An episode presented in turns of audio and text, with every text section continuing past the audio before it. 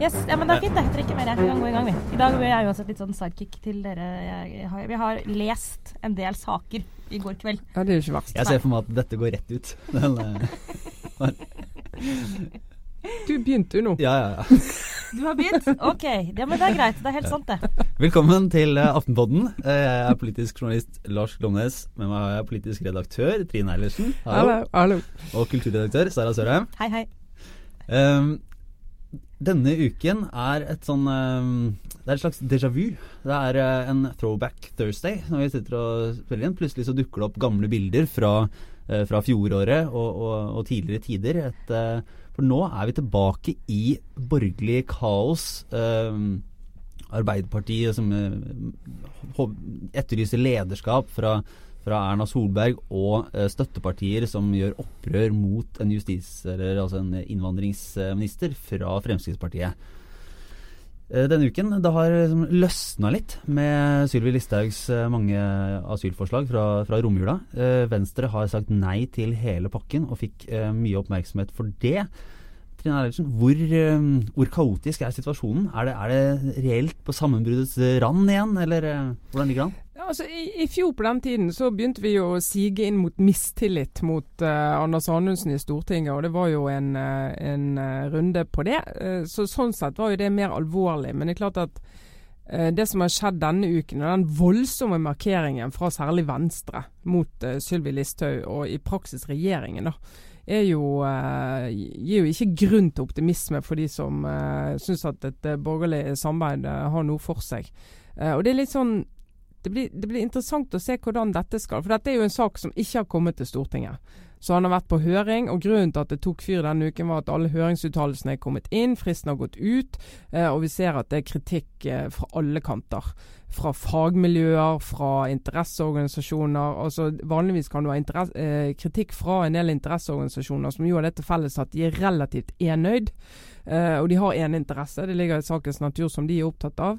Eh, men nå ser vi også at en er premissleverandører inn i eh, policymaking, altså der politikk lages, Statistisk sentralbyrå, forskere, at de også kritiserer veldig grunnlaget for dette. Og det, det tror jeg har, har gitt uh, bl.a. Venstre masse krutt for å ha et gruppemøte på Stortinget onsdag og komme ut av det og si nei, hele pakken, vekk med det. Uh, så jo, litt sånn genial PR-messig for et uh, lite fire pluss prosents parti.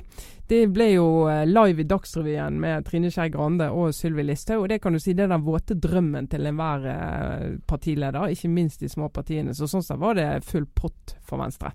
Jeg fikk litt vondt i, Nok en gang fikk jeg litt vondt av Audun Lysbakken og SV, som jo da heller ikke denne gangen fikk sine 15 minutes. Det fikk derimot Venstre, og fikk markert seg veldig, veldig, veldig tydelig. Men, men, SV har jo vært på utsiden av dette forliket og utsiden av hele denne diskusjonen siden i høst.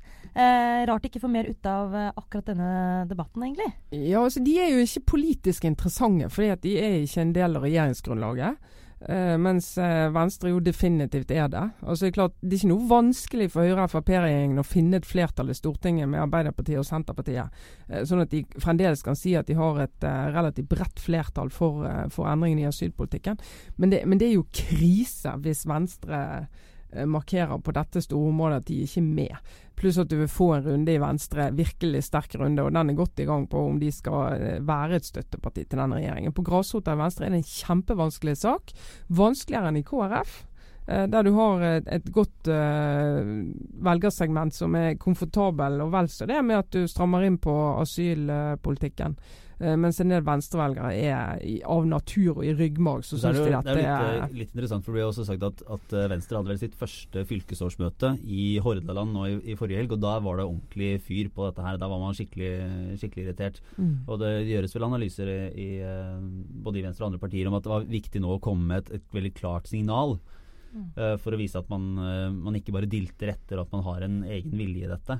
Uh, men da er jo spørsmålet litt om man gir det klare signalet for, å, for at ikke, ikke, fylkespartiene og de som er på grasrota skal tvinge fram et faktisk brudd. Mm. Så man egentlig da markerer en motstand for å eh, for ikke miste kontrollen i eget parti da, på hvordan eh, den prosessen skal gå videre. Ja, og er, Vi har snakket mye om retorikk de siste ukene. og Spørsmålet er jo om uh, dette er noe som varer hele veien inn. Uh, hvis ikke, Det kan jo være et ganske høyt spill også fra venstreledelsen å gå så hardt ut nå, eh, hvis de på et eller annet tidspunkt må inn i folden igjen. og sette hele regjeringssamarbeidet på spill på den måten de gjør nå uh, for real, det er jeg liksom ikke helt sikker på om, om, om, faktisk er det som skjer. Har du noen magefølelse på det, Trine? Er det liksom, altså, er det, er det liksom begynnelsen på slutten? Altså, Trine Skei Grande hun, eh, hun, er veldig nøye på å si at hun aldri stiller ultimatum. Det er jo typisk er, Venstre, for å si det sånn. Men hun er jo stadig vekk ute og er veldig veldig tøff i retorikken. da. Hun ja, og det, og det, det, som er, det, er det som er litt utfordringen for Venstre og KrF. at de, de på, på den, I flere saker har de vært regjeringens aller sterkeste kritikere. Og så blir de møtt med ja, men hvorfor sørger dere for at denne regjeringen får lov å styre da? Eh, og det møter de, en ting er at de møter det fra Arbeiderpartiet og SV, og det preller jo av. Men de møter det også fra sine egne nå. Det, dette her er litt sånn kvittere ut til de. Eh, men så kommer saken i, i, Stortinget, og altså, regjeringen kommer jo til å ta det tilbake. Erna Solberg har vært veldig tydelig på at her er det ting vi kan og bør endre. Eh, og, åpen for at vi eh, må få nye forslag inn, og alle, alle skal med og alle skal bidra og velkommen. Eh, men så er det jo da Frp-statsråden og Frp som har der du ser Frp på flere nivåer, folk på flere nivåer i partiet som, som ikke klarer å la være å si at det er enten alt eller ingenting, og dette må vi gjøre for å redde landet. Og, og de stiller jo på, på et vis et slags ultimatum, de òg. Med en gang du begynner med de der helt uforsonlige måtene å snakke om et så vanskelig politikkområde, så skaper du fallhøyde for begge sider. Venstre kan komme i Stortinget og risikerer å nesten bli tvunget til å stemme for mange mange av de punktene de nå har avvist fullstendig. Eh, og Frp skal komme i Stortinget og si at eh, denne politikken skal vi gå videre med. Han er veldig justert. Ting som var livsviktig i februar, det mener vi nå, eh, det står vi for. Det er greit politikk. Men det er noen som sier i, i de andre partiene som, som uh, i hvert fall frykter eller spekulerer i at, at Fremskrittspartiet og Sylvi Listhaug går veldig hardt ut for å ha noe å falle tilbake på seinere hvis situasjonen rett på bakken ikke bedrer seg. Altså man Uh, at man skal kunne si ja ja, uh, vi vil jo gå mye lenger. Uh, man så jo det bråket vi fikk i vinter da alle de andre som ikke skjønner seg på situasjonen, trakk oss liksom tilbake fra de grepene vi faktisk mente var nødvendige. Mm. Mm. Men det er også et høyt spill, da. Eh, men, eh, men det kan godt hende at, de lykkes med akkurat det. Men uh, hvis Listhaug nå må gå hjem og, og, gjøre leksene sine og komme tilbake med et kraftig omarbeida og mildere forslag, så vil jo det også være et nederlag for henne. I hvert fall så vil hun ikke ha den der jern-Sylvi-posisjonen nødvendigvis, da. Så det, det blir faktisk Altså, noen må tape. Eh, noen må eh, rett og slett eh, jenke seg litt. Eh, men jeg tror Lars, du er inne på noe at det eh, er veldig avhengig av hva som faktisk skjer nå denne våren eh, med flyktningsituasjonen. Om det blir langt mer dramatisk enn det vi opplevde i fjor, eller om det faktisk roer seg. Det vil vel påvirke og slå ganske hardt inn i også den norske politiske debatten. Og Det vet vi jo rett og slett ikke ennå, men, men, vi må vel være forberedt på at det ikke blir noe bedre når du ser hva som skjer på bakken i f.eks. Syria. Det er jo ikke noe tegn på at det, at det, skal slutte å komme mennesker eh, til vår del av verden. Altså det, det er en veldig stor forskjell på, på, på si, realitetene bak det som skjer nå i Syria, og det som utløser strømmen, og det som skjedde i f.eks. 2008-2009, da vi fikk den forrige innstrammingen under den rød-grønne regjeringen. Da så man plutselig at det kom, kom veldig sånn, oppsving i tallet på mindreårige asylsøkere. og kom eh, masse, altså plutselig kom det en strøm til Norge som man ikke helt kunne forklare med, med at uh, et land sto i brann på samme måten. Uh, og da funket innstrammingene, fordi det var en del som så Du kan egentlig kalle de grunnløse asylsøkere, som da valgte å enten reise et annet sted eller værreise. reise. Men nå har vi jo en stor gruppe, og den tror ikke jeg blir mindre i år. Tvert imot, med folk som rømmer for livet fra, uh, fra Syria. sånn at den, og mange av de vil komme til Norge. Eh, og Da vil du liksom få en diskusjon om, eh, om den uh, integreringen i neste omgang. og Det er jo det faktisk en del av de som er kritiske til regjeringens forslag, prøver å få oppnå. Hvordan skal vi få de inn i samfunnet på, på, best mulig måte. Men nå er det jo, nå kom altså i romjula så kom altså Sylvi Listhaug presenterte 40 forslag, telte opp. Det er jo litt sånn, En kan nok telle det på ulike måter. Men, eh, men, det var jo faktisk politikk som var satt sammen før hun ble eh, statsråd på dette feltet. Mm. Uh, og nå ser man at, uh, at høringsinstansene, også de som er underlagt departementet, er ganske krasse i kritikken på faglig grunnlag. Da. Mm. Ikke sånn do-gooder som alltid vil, uh, vil være imot enhver innstramming. Men hvor, på måte, i hvilken grad er det dårlig håndverk, og i hvilken grad er det nødvendig hastverksarbeid? Jeg tror vel Erna Solberg innrømte i Stortinget at, at det var eh, kanskje gjort litt fort. Mm. Men er det en, på en måte, er det en god nok er det en god unnskyldning eller en forklaring når man er i den situasjonen man er i i dag? Altså, det, kunne vært det hvis uh, Sylvi Listhaug og regjeringen og la det frem var litt mer ydmyke og sa at greit, dette har gått veldig fort. Uh, vi er helt sikre på at det finnes ting her som ikke er godt nok, som ikke er godt nok gjennomarbeidet. Og nå må, må vi få innspill som gjør at forslagene blir så gode som mulig når vi skal til Stortinget med dem. Uh, men det var jo ikke det de gjorde. De gikk jo veldig høyt på banen. Det var litt sånn alt eller ingenting. Dette må vi gjøre for å redde Norge og våre barns fremtid. Eh, og da, da, da skjøn, er det forståelig at opposisjonen får piggene ut, fordi at de, de, de skapes ikke noe rom for nettopp den diskusjonen og det egentlig gruppearbeidet om å få til en god asylpolitikk, som var meningen med asylforliket.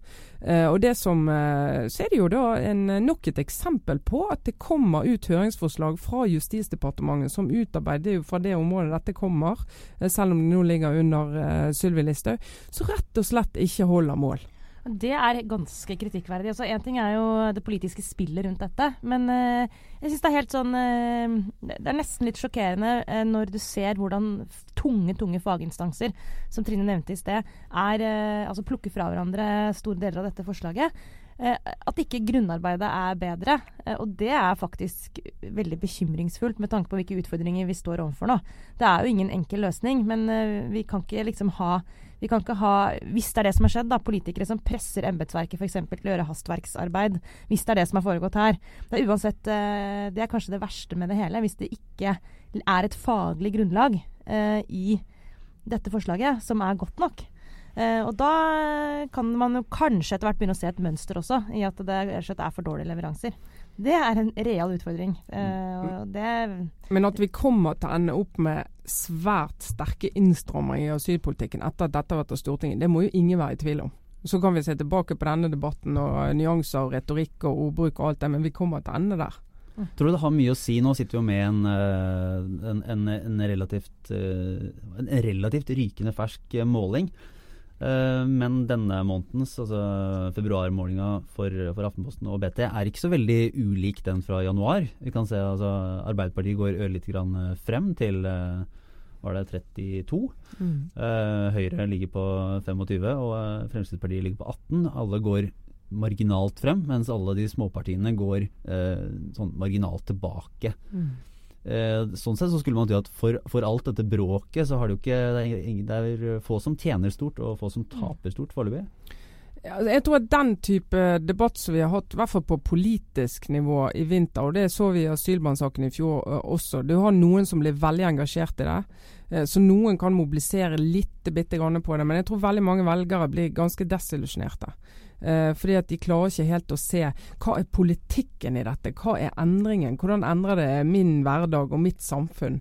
Er det så svart-hvitt som det kan høres ut? Og jeg tror altså Akkurat når debatten foregår på denne måten, så er en god del velgere som rett faller av, og det er forståelig. Mm. Bortsett fra, hvis man ser på, setter litt på, på bakgrunnstallene, så ser man jo at det er en veldig stor forskjell på mobiliseringen eh, blant tidligere Frp-velgere. Altså Når man eh, gjør disse målingene, så ser man jo hvor stor andel av de som sier at de stemte på et parti ved forrige valg, sier nå at de vil stemme på det samme partiet.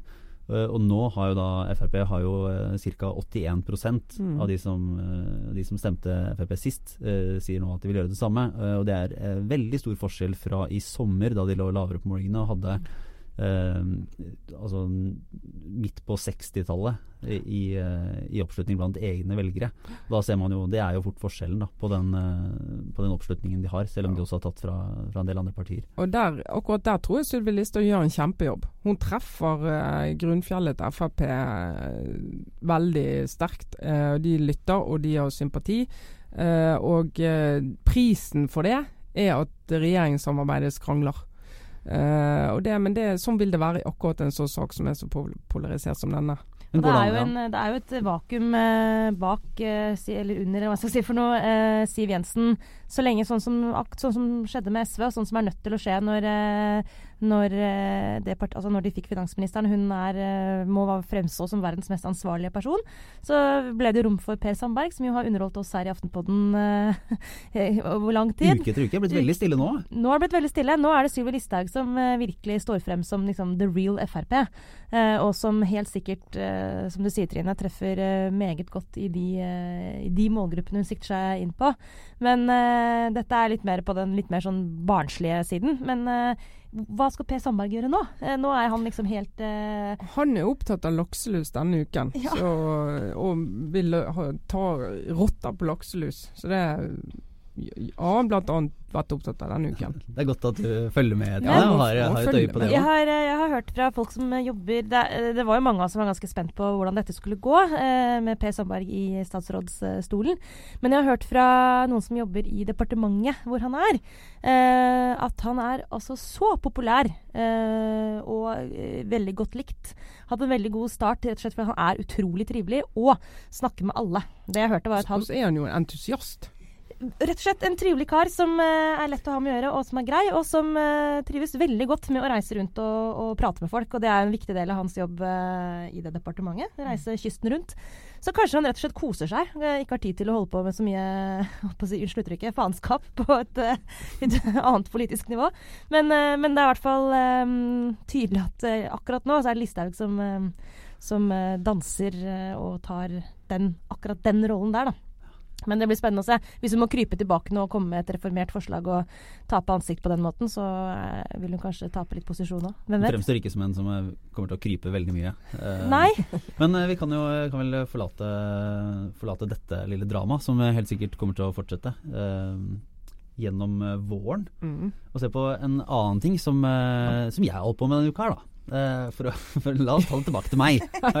Ja, men Du må få litt oppmerksomhet du også, Lars. Ja. Men la oss, for det er jo lett å glemme Arbeiderpartiet. Det er det faktisk. Ja. Oppi dette. Norges største parti, når vi snakker om eh, regjeringen nå. Men Arbeiderpartiet ligger der og lunker. Ja, og de gjør det jo ikke forferdelig dårlig på, på målingene heller. Men eh, det jeg har jobba litt med denne uka her, er et eh, er på en måte et, si, et politisk fenomen da, som, eh, som man kan, eh, kan se hvis man nå følger, følger debattene i, i ulike medier. Og jeg er helt sikker på at mange har, eh, har lagt merke til det allerede. Men det er rett og slett da Høyre og Frp-strategien med å eh, ved enhver tenkelig anledning eh, stemple Arbeiderpartiet som et vingleparti og bygge opp under Jonas Gahr Støre som en tåkefyrste. Uh, og nå ser man de, jeg tror det jeg har hørt fra, fra strateger i, i partiene, selv om de nå det er jo få som vil vedgå helt sånn offentlig at dette er en strategi, for da mister de jo litt av Kraften. Litt av kraften. Ja. uh, men, men eh, det har i hvert fall vært konkludert hos, hos sentrale folk med at man lykkes ganske godt med å Uh, arrestere eller stemple Arbeiderpartiet på vinglinga i asylspørsmålet. Og nå skulle da rulle det ut på, på andre temaer også, og Mm. bruke det. Og det kan man, kan man se her på tirsdag. Så var Torbjørn Røe Isaksen i debatt med Trond Giske om uh, sånne um, krav til lærerne. Og, og da var det liksom Ja, men Arbeiderpartiet har jo vinglet litt i denne saken. Samme dagen så var det et eh, var det leserinnlegg fra, fra Helge André Njåstad, i, som er leder av kommunalkomiteen for Frp, som, eh, som gikk ut med at Arbeiderpartiet vingler videre i, i kommunereformspørsmålet. Eh, og Siv Jensen sto på talerstolen på, i fylkesstorsmøtet i Fremskrittspartiet i Oslo og sa at den største utfordringen vi har fremover, er Arbeiderpartiets vingling i asylpolitikken. Og det her eh, bankes det inn, da. Mm. Det må jo eh, gjøre vondt for partiet som var kjent for stø kurs. Eh, det kan jo ikke kjennes godt at det er det de får eh, som hovedargument mot seg gang etter gang etter gang. Nei, og når, når Høyre-folk eh, jo innrømmer at dette er et, et, et, et, et smertepunkt de eh, prøver å pirke mest mulig i, så sier de jo at ja, men det er ikke, det er ikke noe vi finner på. Det er jo Det en, bare en eh, observasjon. det er en observasjon, og Ja. vi ser en svakhet, og vi, eh, vi utnytter den. Men det er jo, det er jo en eh, Det er jo smart gjort. Fordi at det var jo et Særlig rett etter at Jonas Gahr Støre ble partileder det første året eller to der, så sa han jo det at nå skal vi utvikle ny politikk. Vi skal høyt under taket. Og høyt under taket betyr at mange skal få lov å si hva de mener om forskjellige saker. Og det er jo frem mot programarbeidet i 2017 så, så tror du vil se et Arbeiderparti som eh, diskuterer mer høylytt enn det har gjort før. Eh, og forsøker å snevre seg inn. Og, det, og det, det, må de gjøre. og jeg mener Det er helt riktig at de gjør det, men det legger jo også altså Det, det skaper et kjemperom for uh, Sigbjørn Aanes og alle Høyre-strateger til å plukke nettopp på det, og skape inntrykk av at Jonas Gahr Støre er en svak leder med en utydelig politikk, et uh, budskap som uh, tilpasser situasjonen, og det gjør de. og det kan de lykkes med. Det, var tendenser til at det lykkes i fjor sommer opp mot valgkampen. Da sa jo Høyre-strateger at det, med å få frem hvor tåkete Jonas Gahr Støre snakket, det jobbet de for, og det lyktes de med. Eh, og de vil fortsette med det. Og det minner om denne borgerlig kaos-uttrykket, som er blitt et fast uttrykk i norsk politikk. Som jo også var et sånn strategisk valg fra uh, rød-grønn side. Å bruke det så sant de kunne i enhver debatt. Og det funket jo. Men Apropos Throwback uh, Thursday, så er det jo uh, det er helt utrolig. Altså, det er nå tydeligvis bare et fast opposisjonsargument å peke på Nei, unnskyld. Posisjonsargument å peke på kaos hos motstanderen. Nå er det ikke så lenge siden var det Henrik Asheim, eller hvem var det fra Høyre som var ute og snakket om kaos på uh, På rød-grønn side, etter at ja. SV ikke ville måte, være med i de rød-grønne lenger. Ja. Men jeg syns jo denne vinglebiten er jo et sånn Det er også et sånn tilbake Eller henter opp et, et, et, av de gode, gamle uttrykkene fra amerikansk politikk som fikk en sånn virkelig vår i 2004, var det vel. Da det var en Bush mot John Kerry-valgkamp. Der John Kerry hele tida ble anklaget for å flip-floppe. Ja. Mm som var et eh, enda litt mer poetisk og musikalsk uttrykk enn eh, vingle. Men, eh, men, nå er altså flip-floppingens si, Flip-flopping-anklagen har nå kommet til Norge da, for, for full maskin. Det er litt synd for Arbeiderpartiet at, at de får den, men også, også, rettferdig for så vidt. Altså, de fremstår jo faktisk utydelige. Men det var et veldig behov for å drive litt politisk verksted i Arbeiderpartiet nå etter disse åtte årene i, i det rød-grønne samarbeidet, og med en ledelse som ikke var veldig veldig interessert i å egentlig hente opp eh, og ta inn så mange nye tanker og nye stemmer. Det var et vakuum, rett og slett et maktvakuum, eh, under Jens også, i Arbeiderpartiet. Som jo Jonas har gjort et eh, Nå er jeg liksom for fornavn som hele resten av Norge på det, men som Støre har gjort et eh, ærlig forsøk på å endre. Han har tatt mange unge folk inn i partiledelsen. Eh, Visstnok så setter han i gang og prøver å skape reelle politiske diskusjoner i Arbeiderpartiet, eh, som er bra, sannsynligvis, for dem. Men når han i tillegg har disse retoriske utfordringene, som han jo har, eh, så blir jo da kombinasjonen rett og slett utydelig. Ja, det er, jo, det er jo en takknemlig oppgave for, for Høyre og Frp å, å angripe. fordi ja. Eh, Støre, for alle hans uh, gode kvaliteter, og åpenbart en dyktig fyr, men han svarer jo stort sett alltid med på den ene siden på den andre siden. Mm. Ja, det er en uh, så, så han, han, tenker jo mange tanker på en gang, og uttrykker dem uh, ofte alle i ett svar.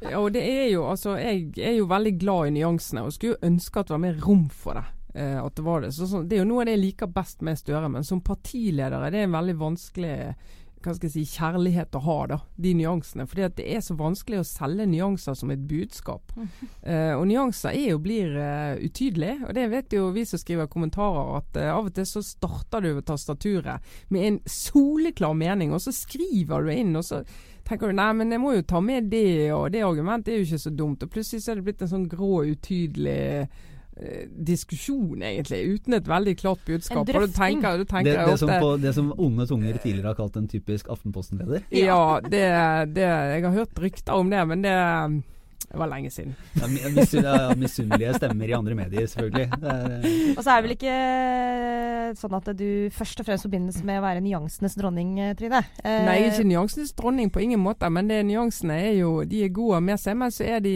de kan være litt hemmende òg. Det kan de. jo. når du skal være partileder og selge ett budskap, så må du legge nyansene hjemme i nattbordskuffen. Men det, det fine nå, det her på en måte leder oss uh, mer eller mindre smidig inn i en uh, en Aftenpodden-kjepphest og et, eh, et leserinnlegg Det var ikke et leserinnlegg, det var en kommentarartikkel i en svensk avis. Hvor var det, Trine? I, ja, det var i Sydsvenskan. Sydsvenskan. Som er rett og slett eh, veldig, veldig godt og knallhardt. Det er et angrep på eh, svenskenes eh, Stefan Löfven. Ja. Eh, og hva er det det heter for noe? Nei, altså det heter svensk. Mannen uten språk. Og så står det Vi måste prata om hur statsministeren prater. For, ja, for der sabler han rett og slett ned eh, statsministeren for å snakke et eh, sånn, eh, nesten et barnespråk. Ja, et litt sånn umodent eh, språk med veldig dårlig ordforråd. Eh, og han er, det er nesten så jeg lurer på om vi kunne ha skrevet det i Norge, da. For det er virkelig et karakterdrap. For han kobler jo uklar uh, Uklar uh, Hør her, da, apropos. uklar måte å snakke på til en uklar tanke og uklar politikk. Og dette er altså en akademiker. eh, En som er Er han professor? Jeg føler vel at han er professor når jeg leser teksten, men som, som er Ego egoet til en professor. Ja, han var i hvert fall professors ego, som altså er en retorikkekspert. Vi har jo et par sånne i Norge også, men det er klart, her er det et sånt eksempel på svensk elite som Ja. Dundrer løs. Men, men jeg har litt sansen for det, for han har jo en gode eksempler. Altså Når Stefan Löfven kommenterer terroren i Paris, og spør, så sier han det der, det er ikke ok. Altså Det er litt sånn som du snakker til en niåring når han liksom velter glasset med vilje. Altså Du kan ikke si det. Og, men da må vi jo tilbake til kjepphesten. Norske politikere, svært mange av de, kan jo ikke snakke.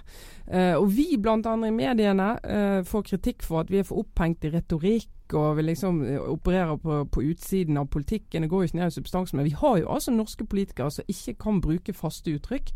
Denne i forhold til sykdommen.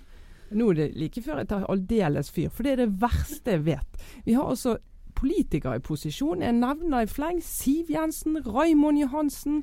Til og med Jonas Gahr Støre har falt i fellen og bruker i forhold til feil. Det er et eksempel, men det, betyr, det er ikke viktig for dem hvordan de snakker, hvordan de formulerer seg. Og da er risikoen for at budskapet når det kommer ut til oss som skal tolke det, at det blir tolket feil, at det er rom for å dra det ut i en retning som kan være enten i parodien eller i ondskapsfullheten eller i et eller annet annet, den er jo veldig stor. Så jeg mener politikerne selv må ta et visst ansvar for at vi har mye retorikkdebatt i Norge, for de kan ikke snakke norsk. Jeg er villig til å akseptere hele den byregjeringsproblematikken så lenge, så lenge Raymond Johansen dropper i forhold til i annenhver setning. Så Ja, kan ja, kalle ja, vet du, kan, det må jeg bli- kan bli si. Hvis han hadde klart å slutte med det, så skulle jeg, da skulle jeg skrevet en egen kommentar og takket for det. Ja, Jeg blir, jeg blir, helt, jeg må si, jeg blir helt sprø av det. Så det var dagens veldig store Jo, men tenk, altså, tenk da, altså Stortingets talerstol. Det er jo helt noe helt sånn eh, Det er ingen som Kom, vil finne finne kom med en på Tony Blair-referanse nå. Rart du skulle si det. Jeg skulle akkurat til å referere til britiske politikere. Som faktisk kan snakke. Som jo eh, faktisk ofte snakker så bra at det å sitte og høre på en debatt i det britiske parlamentet i seg selv er direkte underholdende og, og interessant, uansett eh, om du er enig eller uenig med, med de som snakker, fordi det er så godt språk. Tenk dere om vi skulle liksom tenke sånn Nei, nå har jeg en time. Jeg tror jeg stikker ned på Stortinget og setter meg på galleriet der og, og hører litt på eh, de fantastiske talerne som eh, skal opp på, på stolen eh, i dagens spørretime. Så det er jo helt eh, Kunne ikke falle noen inn. Det er stadig en, en eh, anklage mot eh, presselosjen og politiske journalister eh, at det bare er eh, middelaldrende og gamle menn som sitter i presselosjen og hører på eh, når Stortinget er samla. og det er jo et Selvfølgelig er det på en måte en Det er mulig det sier noe om, eh, om eh, kjønnsbalansen eller likestillingen, men det sier også noe om at det er en eh, litt sånn gammel vane å sitte der og følge med, for det er ikke noe du gjør helt frivillig hvis du kan holde på med noe annet. Nei. Ja, men det er, eh, det er sånn at eh, mange av oss eh, av den grunn også savner Einar Førde, som eh, jo var en eh, strålende retoriker.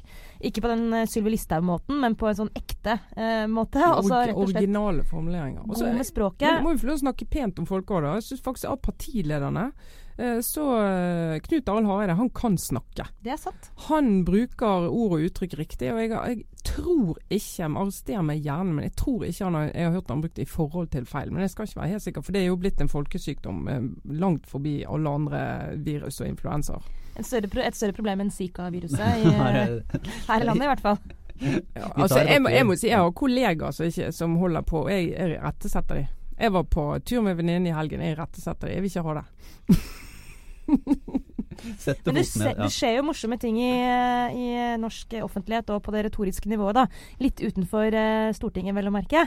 Eh, denne ukas høydepunkt sånn sett er jo Minerva-redaktør Nils August Andresen sin, eh, sitt oppgjør med eh, rikingkollegaen, som i Dagbladet denne uken skrev at det er så vanskelig å være rik. Maria Høili var det datter av Da tar jeg det litt her. Eh, Terje Høili, er det den heter? Europris-gründeren. Maria Høili eh, har i hvert fall veldig mye penger. Eh, Jeg tror det er eh, den, eh, den pengesekken hun har arvet. Og øh, skrev at det er vanskelig å være rik. Du får øh, vanskelige Du kan ikke vite om folk egentlig er eller liker deg eller ikke. Eh, møter mange fordommer. Og i det hele tatt at det er, en, det er liksom en utfordring øh, som hun, eh, hun hadde behov for å meddele offentligheten at, eh, at hun sliter med.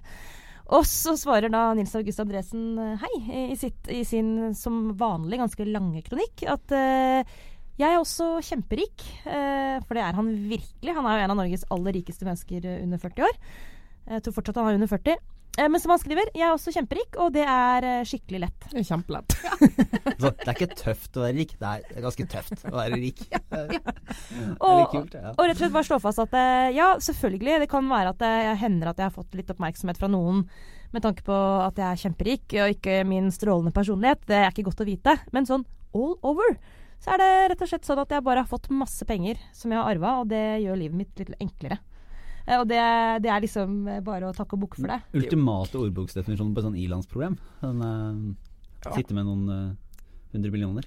Men du, hadde, har, ikke- har du et, du har et godt, men ubekreftet rykte i den sakens anledning? Eller, Ja, altså, Nils August Andresen eh, jeg som jeg kjenner litt, han er jo, i motsetning til hun Maria Høili, hun så litt rik ut også. Nils August, eh, som jeg kan være på fornavn med fordi jeg skylder leseren å gjøre oppmerksom på at, jeg, at han, jeg kjenner han, da. Men eh, han ser jo ikke spesielt rik ut. hvis, det går an å, hvis det går an å si det uten at det er for slemt. Han er ikke, jeg er ikke veldig forfengelig.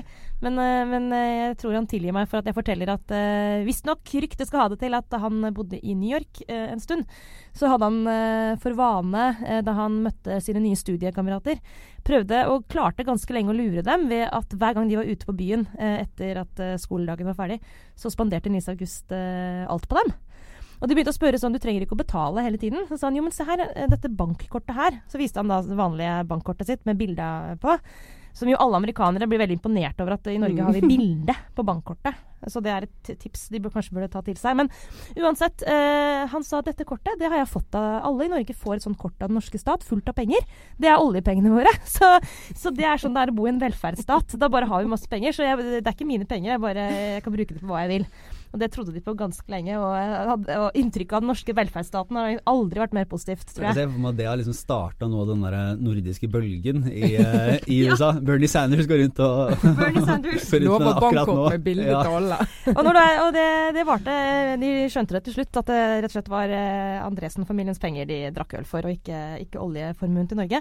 Men eh, det, det, er ikke sånn, det er litt sånne joker man kan dra når man er en av Norges rikeste personer. Det er, det er, vet du hva, det er Det er hyggelig, da. Ja. ja.